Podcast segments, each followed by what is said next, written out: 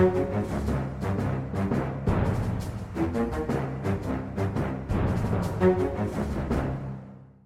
ønsker vi velkommen til en ny utgave av podkasten Aftenpodden. Jeg er politisk journalist Lars Glomnes. Med meg så har jeg kulturredaktør Sara Sørheim.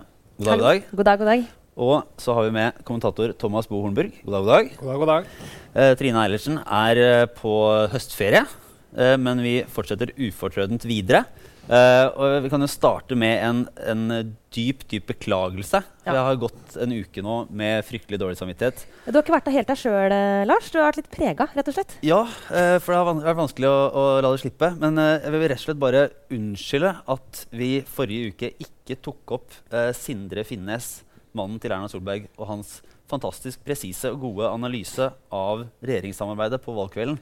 Eh, det er rett og slett et uh, Nei, det er en svikt. En, det er en kollektiv svikt. Ja, jeg- Men, jeg jeg tar også det- ansvar for ja, det. jeg tar det først og fremst på min kappe. For det, uh, når eh, folk som Sindre Finnes taler, så bør Norge lytte.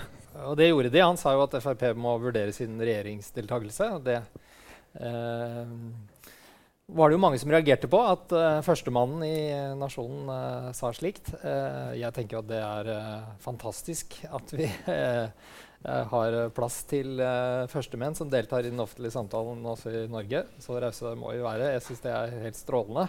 Og de håndterte det etterpå eh, forbilledlig, for de håndterte det med humor.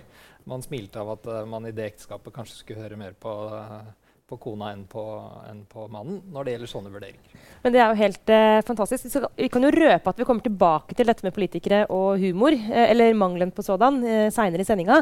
Men det skal, virkelig, det skal de virkelig ha. Dette tror jeg er en av de få gangene at eh, det har vært et sånt litt sånn gøyalt øyeblikk fullt av vidd fra, fra den blå-blå regjeringen. I hvert fall på en god stund. Og jeg mener jo at Sindre Finnes er kanskje den eneste helt sånn genuint ærlige politiske analytikeren vi har her i landet. Han sier det han tenker, og han er jo godt informert. Så jeg syns vi skal egentlig slå ring om Sindre og bare feire at vi har han, og så passe på at han ikke slutter å, å si det han mener. Nei, så, så Sindre Finnes, vi hyller deg. For det, Heia Sindre. ja, eh, hyller rett deg. Ja. Uh, den, den utgaven her er faktisk uh, på mange måter en sånn Vi kommer tilbake til, til mange av temaene vi har hatt gjennom sesongen. Eh, og mange av de navnene, så Vi skal snakke litt om Miljøpartiet De Grønne, og så blir det litt Per Sandberg, og så blir det litt uh, britisk politikkdrama. Uh, og kanskje litt annet òg, for den saks skyld. Uh, men vi kan starte med Miljøpartiet De Grønne. for de sitter, altså Når vi spiller inn dette, så sitter de og forhandler seg imellom uh, om hvilken vei de skal vippe. Og den offentliggjøringen av hvilken vei de går, om de skal forhandle med, med Arbeiderpartiet og, og venstresiden, eller gå til det sittende byrådet i Oslo og Høyre, det blir ikke offentliggjort eh, før vi er ferdig med vår innspilling. Men siden vi er en selvsikker uh, podkast som eh, setter alt inn på vår egen analyse, eh, så har vi rett og slett trukket konklusjonen, om ikke for dem, så, så forutser vi hva som kommer. Thomas. Ja, Vi er eh, sikre på at de kommer til å forhandle med venstresiden. Nå er det jo godt dokumentert at politiske kommentatorer er akkurat like dårlige til å spå som, eh, som folk flest. Men det, dette er unntaket. Eh, det er veldig vanskelig eh, i min verden å se for seg at de nå, når de skal velge hvem de skal forhandle med først, kommer til å gå til en borgerlig konstellasjon hvor de også er avhengig av Frp.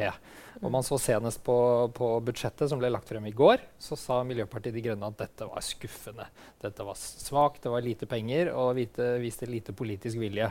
Da virker det veldig veldig rart om de dagen etter skal vende seg mot den leiren og begynne å forhandle med de. Men samtidig, på. samtidig så sier de jo at de er åpne eh, for å basere seg på et samarbeid. Altså, åpne for et samarbeid som baserer seg på eh, Carl I. Hagen og Fremskrittspartiet.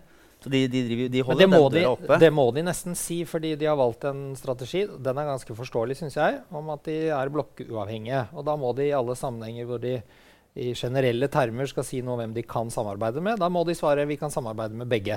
Men det er ikke spørsmålet nå. Spørsmålet nå er hvem de skal begynne forhandlinger med konkret i Oslo neste uke. Men det er jo helt utenkelig at altså, eh, Det er et historisk øyeblikk i Oslo nå eh, fordi vi kan få dette skiftet. Som eh, Hvor mange år er det, gutter? 18 år med 18 år. borgerlig styre. Og at akkurat Miljøpartiet De Grønne skal være de som sier nei, vi fortsetter som før. Det er helt enig med deg, Thomas. Det er helt uh, utenkelig. Jeg tror ikke de har lyst til å ta den byrden det er, når uh, alle har egentlig konkludert nå med at uh, Arbeiderpartiet og samarbeidspartiene vant Oslo. Så jeg ser heller ikke det komme. Jeg er også villig til, i den grad jeg har en viss tyngde her Det spørs etter valgnatta og, og, og, og, hva jeg venta på utfallet da. Men, men, men jeg velger likevel å stille meg bak Thomas her på at de går til venstre. Noe annet er helt utenkelig. Men nå har de holdt på i en drøy uke, halvannen uke, øh, og hatt øh, samtaler. Hvordan syns du de har spilt korta sine så langt? Jeg er spørrende til hvordan de har gjort det. Eh, etter hva jeg skjønner, så har det ikke vært eh, altså, reelle forhandlinger eh, mellom Miljøpartiet De Grønne og Arbeiderpartiet på den ene siden eller Høyre. Men de har i stor grad trukket seg tilbake og gjort en vurdering av, av partienes programmer og hva de har stemt i bystyret. Og, og jeg tenker Oppdraget for Miljøpartiet De Grønne nå det er jo å få mest mulig igjen for den unike forhandlingsposisjonen de er i i Oslo. Da må man jo gå til Arbeiderpartiet og Høyre og spørre hva kan dere gi oss. Uh, etter hva jeg skjønner, så har de i veldig liten grad gjort det. Uh, og når de nå trekker en konklusjon om at de mest sannsynlig da uh, går til Arbeiderpartiet og forhandler med de, så, så, kan det for meg se ut som om de går glipp av en mulighet til å tvinge Arbeiderpartiet og Høyre til å vise mer av kortene sine. Hva var de villige til å gi De grønne? Mm. Så jeg er veldig spørrende til den måten å eh, drive forhandlingene på. fra de grønne. men, men, hva er det da som har skjedd denne uka? For Jeg har jo snakka med folk i Arbeiderpartiet som har vært eh, ganske frustrerte rett og slett over, over, det de har ment er litt sånn somling fra Miljøpartiet De Grønnes side. Eh, over at, eh, at, at, at, de ikke virker å forstå at dette er en prosess som må ha et visst tempo. Eh, men hvis de da ikke har fått noe konkret ut av den andre siden? Ja, hva, hva, hva, vet nei, jeg om eh, nei, det, det, det, er som jeg sier, at de har, de har gjort en vurdering så å si, på egen hånd av, uh, av de to sidenes uh, miljøpolitikk. Hvordan de har stemt i bystyret, f.eks. Uh, budsjetter, alternative budsjetter. Og skal på en måte, de har gjort en analyse. Uh, og så kan man selvfølgelig spørre seg hvorfor de ikke gjorde den analysen før. Mm. For den kunne man like gjerne gjøre en uke før valget som en uke etter valget. Det er jo utrolig mye, innbiller jeg meg, eh, litt sånn eh, skitten nevekamp på bakrommet i sånne forhandlinger. I hvert fall hvis du er erfaren, så er det jo litt sånn at personkjemi eh, kan avgjøre veldig mye. Eh, og at det er mye du kan løse gjennom å være enten veldig firkanta eller veldig pragmatisk. Men, men jeg, jeg, følger deg der, Thomas. Du, du, løser, du vinner kanskje ikke makt gjennom å sitte alene i et rom og bare analysere mange ting. Du må liksom gå i nevekamp. Og det har jeg vært veldig spent på helt fra um, vi så hvordan Oslo kom til å utvikle seg, og at MDG kom til å havne sannsynligvis på vippen. Det er jo om de er djerve nok til å ta den fighten med supererfarne Arbeiderpartiet, som har sittet i forhandlinger 40 000 ganger, og som er de sleipeste av alle når det gjelder å, å få gjennom vilja si. Så um, og det er jo mange av de som nå er i sving for Miljøpartiet De Grønne, som jo uh, er relativt nye i den typen politiske forhandlinger. Men ja. de har jo fått råd fra Erik Solheim. De har det. Uh, den, han som ikke vil svare på om han fortsatt er medlem av SV, sier han bare har utrolig stor sympati for Miljøpartiet De Grønnes uh, fremgang. Og han har jo gitt dem rådet om å vente og bruke tid. Da var det, var det vel et poeng at de ville se hva budsjettet kom med fra, fra bydet antageligvis avtroppende byrådet. Mm. Ja, det, det, skjønner jeg. Men uh, i den tiden de nå har brukt, så, uh, så er jeg som jeg sier, spørrende til at ikke de har vært, uh, brukt mer tid på å utfordre partiene. For på den måten så ville de både blitt klokere på hva de nå faktisk kan få. Altså, hi, hi, historien er én ting. Da vil det jo også være sånn at uh, Arbeiderpartiet og Høyre ville være preget av at den ene har vært i opposisjon, den andre har vært i posisjon. Det betyr mye for hva man stemmer i bystyret. så sånn sett så behøver ikke hva som har skjedd, bety så mye om hva som kan skje fremover. Mm. Og skal du, vite, skal du maksimere hva du kan få, ja, så må du ha to alternativer, og du må sette de opp mot hverandre. Og jeg syns ikke de virker ikke som de har gjort det helt. Jeg synes jo En av de favoritthistoriene mine fra ettervalget er jo fra Årdal, der Arbeiderpartiet har styrt i 70 år eller annet sånt, og hatt 60-70% av stemmene og vært helt Eh, helt konger der. Men der kom jo også Miljøpartiet De Grønne på mer eller mindre vippen. Og det førstekandidaten da gjorde, var å få sin uh, sønn om jeg ikke husker feil, på fem år til å trekke uh, lapper om hvem hun skulle begynne å forhandle med. Uh, noe som hun viste på FaceTime eller noe sånt, til disse andre politikerne. og så trakk femåringen Arbeiderpartiet. Så da gikk, gikk de til Arbeiderpartiet og forhandla, og så ble de enige. Og da var det gjort. Og da var det gjort. Det, gjort. mens de som, det var de fire åra. Mens, mens Senterpartiet satt og bare Ja, vi fikk ikke si hva vi hadde å tilby engang. altså, det er endelig. Det er endelig. Det er, uh, ja. det er morsomt for oss, men det er jo utrolig provoserende vil jeg tro, for uh, hardt arbeidende lokalpolitikere. Som, ja, med 26-åringen fra Senterpartiet som hadde fått 40% av stemmene og tenkte at nå skal det endelig få en endring. Ja, For de gjorde det jo de- vanvittig bra i Årdal. Eh, Ja, eh, Senterpartiet. ja, han hadde, fikk, var ikke i nærheten av å få, få delta i, i diskusjonene engang. Men eh, i Oslo, hva er det Miljøpartiet De Grønne kan forvente eller håpe å, å få? Altså, hvor, vil, er det sånn at de nå sitter og er, har så mye makt at vi vil se et, et et veldig mye grønnere nytt Oslo? Altså I lokalpolitikken så er jo det viktigste grønne temaet det er kollektivtrafikk, og det er sykkel- og gangvei. Eh, fordi eh, eh, det meste av klimautslippene i, i eh, Oslo kommer fra eh, transport. Så det er jo der eh, de må sette inn støtet. Eh, det handler om T-banetunnel under Oslo, det handler om eh, mer, eh, altså lavere priser eh, på T-bane og trikk. Det handler om å sette fart på å bygge sykkelveier. Eh, det handler om reguleringsplaner, kamp om plass i byen. eh, mange sånne ting. Eh, og det er det de kommer til å prioritere. Men vi, eh, I går så arrangerte Aftenposten en sånn eh, debattkveld, en konferanse, eh, som handla om eh, utbyggingen av Hovindbyen. Eh, og Det er altså et gigantisk område litt sånn øst for sentrum i Oslo, hvor det skal bygges nesten 30 000 nye boliger. Det er også trafikkmaskin nummer én i denne byen. Der det er så mange motorveier og veikryss. Det er hele Økernområdet, Østre Akervei. Det er et sånt område du bare forbinder med, med tung trafikk. Det er det området jeg alltid kjører med Willy hvis jeg skal prøve å finne fram til et sted. Nettopp, det er ikke skapt for mennesker. Eh, bare Apropos det med liksom, altså, hvor viktig det er å gjøre Oslo til en kollektivby, og hvor vanskelig det er. For da begynte vi å se på ok, hvis eh, det skal bygges så mange nye boliger, en helt ny by i byen, så er det faktisk allerede vedtatt politisk i Oslo at eh, trafikken og bilkjøringen ikke skal øke. Utrolig komplisert, fordi de fortalte i går fra kommunen at eh, det å flytte en motorvei, eller eventuelt få lagt den under bakken, er altså, det er så vanskelig. Det er nesten sånn at du må ha en eller for å si Det på en annen måte, det er en grunn til at alle sånne gode byplaner er lagd av liksom eneveldige diktatorer. For Hvis du skal gjøre det, så må du altså rive boligområder og du må herje så mye med byen at jeg tror eh, selv ikke den modigste politiker eh, kanskje er i stand til å få det gjennom. Og da jeg satt og klødde meg i huet i går, tenkte jeg dette her er et eksempel på at det å omforme byen og gjøre byen grønn En ting er jo å ville det, men å faktisk sånn helt praktisk få det til. Eh, F.eks. å få, få eh, lagt lokk over motorveiene. Eh, få tatt og slusa biltrafikken ut av sentrum. Så det er så komplisert. Men det er vel Eh, kanskje da du trenger noen som bare sier skit i resten av politikken. og eh, vi skal Ja. gjøre dette på en nesten eneveldig måte om vi får muligheten. Jo, men vet du hva? Det, er det, det er faktisk det som slo meg nå. er at uh, Skal vi virkelig gjøre noe med kollektiv- eh, og veisystemene i Oslo, og virkelig gjøre Oslo til en grønn by, så må faktisk, da må alle politikerne være enige om at det er den ene tingen vi skal gjøre. Og da må det gå utover noe annet. Og det er jeg spent på. Om de, liksom, Klarer De Grønne å få bare liksom, Klarer de å gjøre litt, eller klarer de å få til den reelle endringen?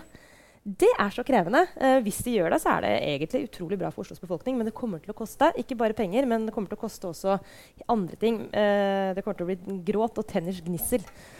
Kan vi ikke ta, vi som, eh, Nå har vi jo tatt alt dette på forskudd. eh, så får vi jo se om vi har, eh, har rett eller feil. Hvis, hvis du tar feil, var det ikke det? Du skal gi skal Ja, du, skal, du skal få et av skiparene mine. ja, Et godt, et godt par. et godt, ja, og du skal dele ut boller til alle lytterne våre hele neste uke. Men, men når vi først er inne på dette, og dette kan da, trenger ikke å koste oss noe som helst i konsekvenser, men tror du Hvem blir det som danner byråd i Oslo? Magefølelse, uforpliktende anslag nå. Jeg tror sjansen er størst for at det blir Miljøpartiet De Grønne, SV og Arbeiderpartiet. Hva tror du? Eh, si meg enig med Thomas. Da får jeg si bare Arbeiderpartiet, da. Mm. Med en, en slags er nesten, ja, I min verden er det nesten like sannsynlig. Ja. Så det er de to det står mellom. Jeg tror Arbeiderpartiet kommer til å være opptatt av å bygge allianser nå. Eh, fordi de har tross alt, selv om de gjorde et relativt godt valg de har ikke, Det var ikke landslide. Så eh, selv om de nå mest sannsynlig overtar eh, i Oslo, så eh, hvis vi tenker litt langt fremover, som jeg tipper at de gjør, så tror jeg at Raymond Johansen er opptatt av å knytte til seg eh, alliansepartnere nå som kan, eh, han kan gå sammen med inn i neste valg. Eh, hvis han klarer det med De Grønne Nå har jo de eh, erklært at de skal være blokkuavhengige, men, men eh, jeg tror nok Arbeiderpartiet vil prøve så langt det er mulig å knytte dem ganske tett i masta. Det vil i hvert fall gi en, en, et bedre grunnlag eh, når eh, velgerne skal stemme på nytt om fire år. Ja. Så jeg tipper det, men ja. For å ha et eh, fint og samlende samarbeid. Og der kan vi gå videre til et annet fint og samlende samarbeid. og en brikke i det spillet. Vi får eh, litt rikspolitikk og et, annet, et fantastisk TV-øyeblikk på eh, søndag. Da Per Sandberg var på TV 2-nyhetene og uh, klatra rundt oppe i fjellene oppe i Troms. og var på jakt. Viste fram uh, selvskutte ryper og, og herja på. Uh, og lanserte seg selv som statsråd. Nå, sa han, nå var han mye mer motivert og klar for å gå inn i regjering uh, hvis det skulle, bli en, det skulle oppstå som en situasjon. Og i de påfølgende dagene så dukka det opp den ene etter den andre i Fremskrittspartiet som mente at det var en glimrende idé, og Per Sandberg burde definitivt inn. Mens Erna Solberg eh, klamret seg til et eh, ingen kommentar. ja. Eh, Det kan, kan dette skje? Altså det, det ville jo være veldig gøy for oss hvis Per Sandberg ble statsråd. Men, eh, men jeg tenker at det ville være dumt for regjeringen, og dumt for Frp og dumt for det borgerlige samarbeidet. Uh, dumt for regjeringen fordi Per Sandberg har jo eh, vist oss gjennom de to siste årene at, at han ikke alltid er forutsigbar. Og det å være statsråd er en, en rolle hvor det stilles veldig strenge krav til hva man sier og hva man gjør. Uh, og, og for Frp så trenger de en eh, stemme som står utenfor regjeringen, som kan eh, minne deres velgere på eh, primærstandpunkter i mange saker. Og Siv Jensen trenger en som kan fylle den rollen, men som også er lojal mot henne. Og, og Per Sandberg eh, fyller den rollen fantastisk. Eh, og for det tredje så er jo Per Sandberg en rød klut for Venstre og KrF i mange sammenhenger. Uh, de har latt seg tirre av Per Sandberg mange ganger de to siste årene. Å ta han inn i regjeringen vil bare gjøre det enda vanskeligere for de i mange saker. Og særlig hvis han skulle få uh, armene rundt uh, justisområdet, f.eks. asylsaker og sånn, vil jo gjøre det mye vanskeligere Et av, ja. for KrF og Venstre å på en måte finne løsninger med, med, med regjeringen. Det har vært vanskelig med den milde Anders Anundsen, som eh, jo står nærmere Venstre og KrF i disse sakene. Og har vært mye vanskeligere med samarbeid. Så det er en dårlig idé, rett og slett. Vi tok en runde med politikerne i eh, Venstre og KrF og spurte om dette her. Og det var jo flere som, eh, eller det var jo ingen som var spesielt positive. Uh, og det var jo ikke alle som ville kommentere heller, men det var en Venstre-kvinne da, på Stortinget som, uh, som sendte over bare en påminnelse om når uh, man sist hadde et innenriksdepartement, som var den store drømmen til Per Sandberg. Eh, og her ingen sammenligning for øvrig, men det ble påpekt fra Venstre at sist man hadde et slikt departement med den tittelen, var under Josef Terboven. uh, under det okkuperte Norge. Uh, si, den, det konstruktive opposisjonspartiet Venstre eh, med et lite stikk der. Det sier, jo, det sier jo ganske mye om klima akkurat nå. Derfor, det er også ganske sånn, komisk å merke seg at det må vel bare være Per Sandberg som nå føler seg sånn ekstra motivert av de blå-blå politikerne etter dette valget. Eh, han ville ikke bli statsråd da de i, hadde vunnet eh, makten eh, og satt i forhandlinger og fordelte taburettene. Da tok han egentlig en overraskende, men faktisk sannsynligvis ganske klok beslutning om å stå utenfor regjeringen. Eh, Hvis det var han som tok beslutningen. ja, hvis det var han. Mitt inntrykk er at det faktisk var han som tok den beslutningen. Men uh, jeg vet ikke om dere har noe Nei, altså, jeg vet ikke noe annet, men det er jo, det er jo, veldig, det, det er jo veldig lett å si at man ikke ville. eh, hvis det skulle være andre hensyn inne i bildet også. Jeg har, ikke, jeg har ikke noen konkret grunn til å tvile på at det han har sagt er sant. da. Men eh, man eh, Men det er liksom, i så fall, hvis det, hvis det var hans egen vurdering, så er det helt umulig å forstå hvorfor han nå eh, skifter mening. Men, eh, men det, hans veier er uransakelige. Han er jo en politiker det er veldig vanskelig å forutse, på godt eh, og vondt. Eh, også, tror jeg for hans partileder. Eh, det er spennende dette her, hvor, om dette er Som alltid med Sandberg, er dette eh, klarert med Siv Jensen eller ikke? Umulig å vite. Men vil Erna Solberg kan hun si nei hvis Frp vil ha Per Sandberg inn? Altså, tradisjonen har jo vært at partiene veldig langt på vei bestemmer sine egne statsråder. Formelt så er det statsministeren, men reelt under den rød-grønne regjeringen og også under denne regjeringen så har partiene eh, hatt langt på vei makt over det selv. Eh, og så er det klart at Per Sandberg som statsråd setter på mange måter det spørsmålet på spissen. Ja. Eh, for jeg er ganske sikker på at Erna Solberg hun ønsker ikke Per Sandberg inn i, i regjeringen. Så hvis det skal skje, så må det være fordi Siv Jensen virkelig vil. Men man får jo litt inntrykket sånn som det er nå, at hvis Frp skal uh, prøve å presse inn Sandberg i regjering, KrF står på utsida og uh, presser regjeringa knallhardt på søndagsåpne butikker ehm, Og bare litt sånn stemningen hos flere i Venstre, selv om de er kanskje mer medgjørlige. Får litt følelsen at de eh, jobber mot et sånn slags eh, showdown. Der, eh, Vet du hva jeg tenker der noen skal møtes, og, så, og kanskje eh, vil sentrum at de at, at Frp skal si at nok er nok. Eh, gå ut. Ja, men det kan minne om en litt sånn derre death wish. Man bare prøver å kjøre det inn i en situasjon som blir så uhåndterlig og uh, egentlig bare ikke til å holde ut for noen. Så at man bare til slutt må liksom få hull på byllen. Litt sånn som når man er i en dårlig fase i forholdet. Man bare oppfører seg til slutt så dritt mot partneren sin at det, det må komme til en skikkelig krangel. altså, jeg, jeg får litt den der følelsen nå. At man bare prøver å bare vri det til. Uh, og det, og, øh, Sandberg er jo altså Få han inn i regjering. Da er det jeg mener, Noe verre kan ikke skje eh, klimamessig. Da er det showdown. Ellers så bare overanalyserer vi nå fullstendig. Jeg tror Per Sandberg på søndag hadde bare lyst til å bli statsråd. Altså På mandag var det ikke sikkert han hadde så lyst lenger. Det kan godt hende. Det hadde i hvert fall, uh, man får mer å snakke om, mer å skrive om. Ja. Jo, jo mer Per Sandberg snakker. Så som sagt, eh, gøy hadde det vært. Rett og slett. Og så er det jo forfriskende, apropos vi snakket om uh, førstemannen, uh, herr Finnes, tidligere i sendinga. Uh, Sandberg også, det er jo, han er jo også veldig ærlig. Eh, og nå er jo alle vi opptatt av å spekulere i om det blir noen statsrådsskifter eller ikke. For eksempel. og det er egentlig helt, en helt umulig oppgave, fordi det er det egentlig bare Erna Solberg og Siv Jensen som vet noe som helst om. Eh, og alle andre spekulerer vilt. Vi har ikke noe særlig håndfast, og de er profesjonelle politikere som, eh, som passer på at sånne ting ikke lekker. Men da er det veldig deilig med sånn som Sandberg, da, som bare han sier det han tenker. Uh, så selv om, eh, selv om det skaper mye trøbbel, så må jeg bare si at akkurat det der, det er ganske kult òg. Jeg orker ikke å si sånn 'heia Per Sandberg', helt sånn som vi gjorde i stad med Finnes, men kan gi han et lite sånn Kult, det. Kult at du har lyst til å bli statsråd. Nå skal vi gutse litt på. ja. Sånn, og han er jo uh, si, noe annet vi har, uh, har latt oss engasjere av. eh, både hjemme og ute, er jo eh, bokhøsten så langt. Vi var jo så vidt innom det uh, sist uke også, men uh, Lundestad-Jagland-fighten Altså Her er det jo min verden går opp i en høyere enhet. Uh, altså kulturlivet, bokbransjen, som møter politikken eh, i form av hevnmemoarer. Det mener Jeg sånn, det, no, jeg kan ikke tenke meg noe mer underholdende, faktisk. Eh, og det kommer alltid, det pleier å komme noen sånne bøker hver eneste høst. Og eh, Lundestad er jo helt, det er jo gaven som fortsetter å gi.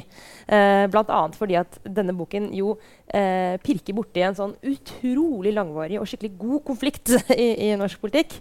Uh, Siste oppdreiningen nå er jo at Thorvald Stoltenberg kommer til Geir Lundestads uh, forsvar og sier at såpass må man tåle. Og det er jo fint at eh, noen eh, snakker så klart at eh, det er mulig å forstå. Uh, og, og alle vil jo huske at eh, Stoltenberg og Jaglandfløyen lå i langvarig konflikt med hverandre rundt lederskapet i Arbeiderpartiet. Og nå har da Torvald Stoltenberg på Stoltenberg-fløyens vegne meldt seg på i forsvar for Lundestad. Så nå sitter jeg og venter på at uh, flere fra Jaglandfløyen eh, melder seg på. Så noen bør ringe Yngve Haagensen og spørre hva han syns. Er det mulig å få Gerli Valla på banen? Gerli? Valla må kanskje ja, ja. hentes fram. Og, men eh, sist eh, Vi var jo som, som sagt eh, innom dette litt forrige uke også. Og da sa jo eh, Da hadde jo Torbjørn Jagland sagt at nei, jeg har ikke tid til å lese denne Men nå har han funnet tid. Nå har han funnet tid. For- Ja, fordi, fordi altså, Og da viste han jo til at eh, situasjonen i Ukraina, som jo er alvorlig, det tok litt tid, og uh, flyktningkrisen i Europa. Eh, sånn han eh, kunne ikke se for seg at han kom til å lese denne boken på en god stund. Men, eh, så, har jo, men så har han eh, funnet tid.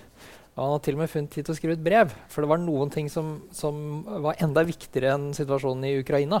Og det var å få rettet opp inntrykket av at han ikke skrev sine egne taler. Der måtte Ukraina vente. Jeg elsker den der, det forsøket på altså det, er på en måte, det er egentlig to måter, å, eller tre måter å forholde seg til en sånn bok på. Det ene er det som Jøgland åpenbart prøvde først. Litt sånn statsmannsaktig. Bare si at vet du hva, dette hever jeg meg over. Eh, en annen metode som vi kan komme tilbake til, er jo bare være så morsom og smart i ditt svar. Og bruke humor på en måte som gjør at du legger hele debatten død. Eh, det var ikke aktuelt for Jagland. det tredje er jo da å bare slå knallhardt tilbake. Og det beste nå er at Jagland først valgte å prøve å være statsmann, og så bare ikke klarte å holde seg lenger. Det viste, det viste, det viste at han sitter og gnagd på dette hele tida.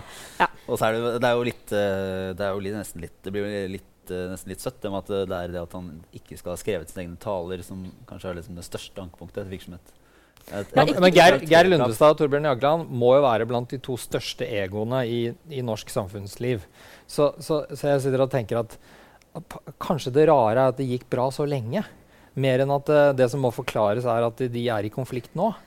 Eh, fordi Geir Lundestad er jo også en, en, eh, en mann som Jagland som ja, tar mye plass. Og at de to skal ha samarbeidet godt uh, uten at det har kommet måte, konflikter til overflaten i mange år, det, jo mer jeg tenker på det, jo rarere syns jeg det er. Men er kjapt da, Er du på, på Jagland eller uh, Lundestad-sida? Altså, uh, når du er pressemann, så syns du at altså, åpenhet om de indre gemakker er fantastisk. Så det er helt umulig å si noe annet enn at jeg syns det er helt fantastisk å kunne bade i detaljer om Nobelkomiteens indre liv. på den måten. Off offentligheten blir jo bedre vil jeg si, da, av at uh, folk som Lundestad tar bladet fra munnen og skriver. Ja, jeg er helt, eh, helt, enig i det. Selv om jeg må si at jeg har en viss forståelse for at, uh, at Jagland blir forbanna.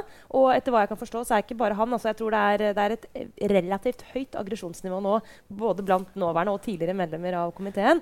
Uh, De kaster han ut av kontoret sitt på Nobelkomiteens uh, fordi det som, er, det som, jeg er helt enig i, er at uh, åpenhet rundt sånne prosesser er, uh, det heier vi på. Men det er klart, no, og noe av det uh, Lundestad har kommet med nå, er veldig interessant. Det kaster et lys over bl.a. hvilket politisk press komiteen er under. Det synes jeg er helt relevante opplysninger å få frem i offentligheten. Kjempebra. Men det er klart, det er noen av de stikkene han kommer med, som bare er ufine. Jeg har ikke noe i offentligheten å gjøre, egentlig. Det er bare morsomt for oss som ikke er direkte berørt.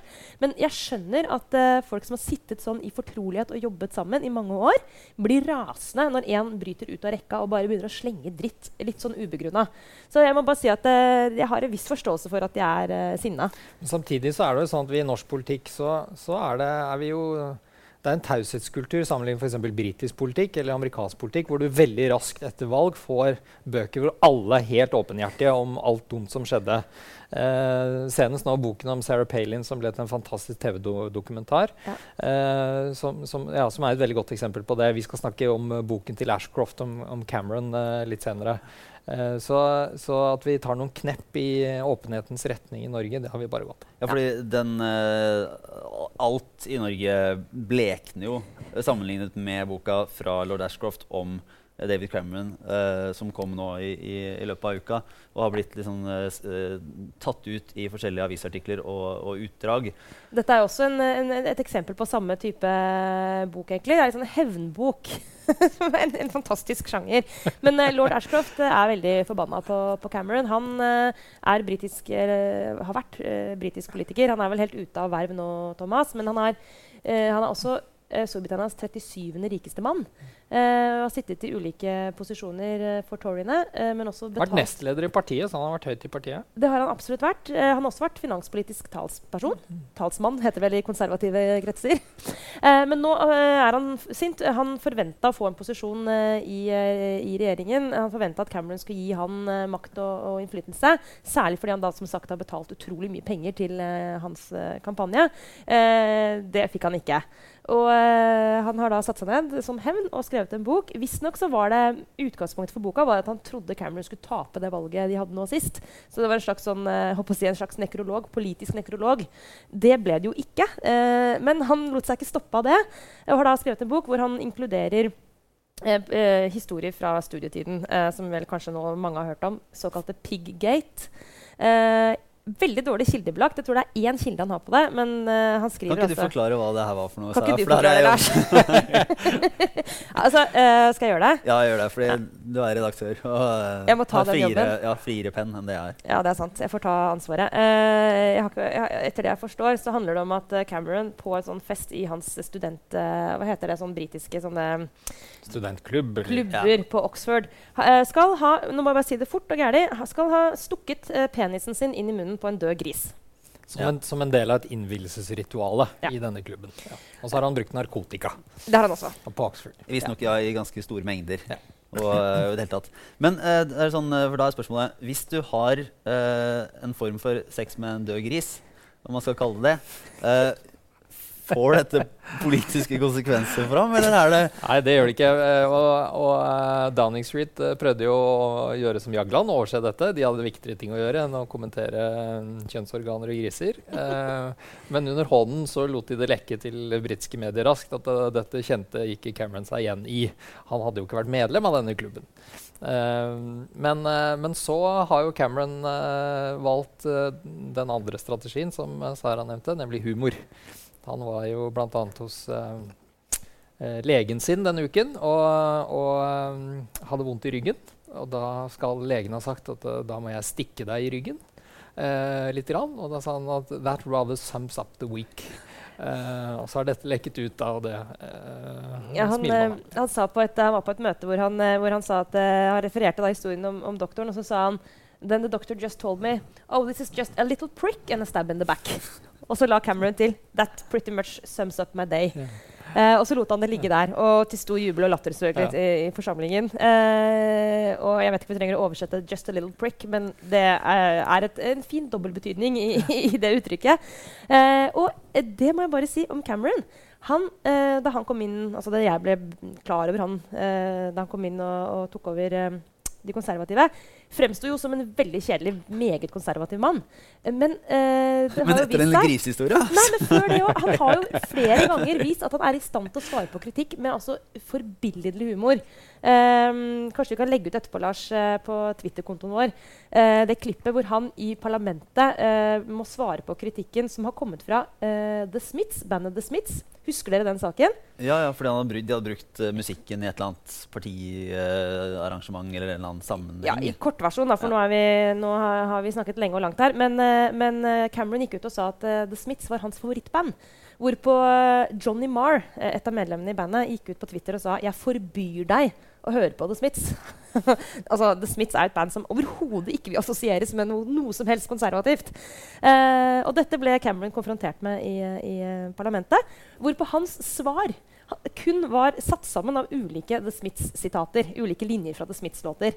Utrolig elegant gjort, eh, sånn at du, du, bare må elske han litt. Eh, og dette var tilsynelatende gjort på sparket. Og det er en sånn vidd og en evne til humor som gjør politikk så morsomt, som jeg ikke syns vi har sett jeg tror ikke vi har hatt noen i nærheten siden Einar Førde i norsk politikk som har akkurat den evnen. Men han har jo også da blitt, denne boka er jo mer nesten personlig eller privat enn den er politisk. I hvert fall det som har kommet fram så langt. Uh, og da er det jo en del om at han da skal ha For det første er han oppvokst som en uh, skikkelig altså en skikkelig sos. Uh, masse penger og et helt annet liv enn alle andre stort sett i Storbritannia. Og at han har brukt masse narkotika og hatt muligens vært med i ulike foreninger og hatt merkelige forhold til døde grisehoder. Men, uh, men er det måtte, Hva betyr sånne private avsløringer egentlig? Er, det, er, er den tida forbi der folk lot seg sjokkere av sånt og tenkte at den, denne mannen kan vi ikke stemme på? Jeg vet ikke om man kan si det generelt, men for David Cameron så, så tror jeg altså det at han har vokst opp ikke med én sølvskje, men med to i munnen, som han selv uh, har sagt også, det er jo godt kjent for uh, britene. Og, og, de har jo uh, altså, Det britiske samfunnet er jo et klassesamfunn på en helt annen måte enn uh, en vårt. De, det er et hierarki og, og at det fins en elite i Storbritannia som har gått på egne skoler og, og har mye penger, det, ja, det, er godt kjent. Da. Det, det, vil, vil, det har liksom ikke noen nyhetsverdi. Og, disse andre historiene, det jeg har veldig vanskelighet for å se for meg at det skader David Cameron uh, noe særlig. Det gjør han vel kanskje mer menneskelig jeg vet ikke, enn noe annet. Dessuten ja, så har han jo nettopp uh, lagt bak seg et veldig veldig godt valg. ikke sant? Labour gjorde vel det nest dårligste valget sitt på 80 år. eller noe sånt, og Uh, ja. ja. og slik Labour har uh, lagt seg til nå, ja, så kan jo Cameron og Toryene se på, de kan se på at de skal styre Storbritannia i uoverskuelig framtid. Uh, mens Labour roter, seg, roter rundt i, i, sin indre oppløsning. Så et lite grisehode for alle til har, har, ikke noe annet å si enn at jeg tror han nok en gang kan egentlig bare glede seg for at han fikk vist hvor morsom han tross alt kan være. selv til å være en meget konservativ politiker. Mm. Uh, det er jo uendelig mye mer av at dette her, egentlig. Men uh, vi kunne sikkert fortsatt å sladre om dette i, i timevis. Men jeg tror vi kanskje vi får nærme oss en avrunding for denne ukens Aftenpodden. Så da takker vi deg, Sara Sørheim, og deg, Thomas Bornburg. Jeg var Lars Klomnes, og takk for oss. Ha det bra.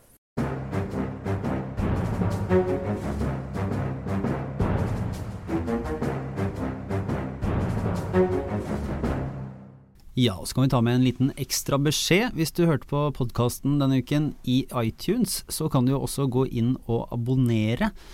Da får du den neste utgaven rett i telefonen din uten å måtte gjøre noe som helst. Eh, det gjør du ved å søke på Aftenpodden i eh, iTunes-søkeren, og så er det bare å trykke på abonner og vente på neste utgave.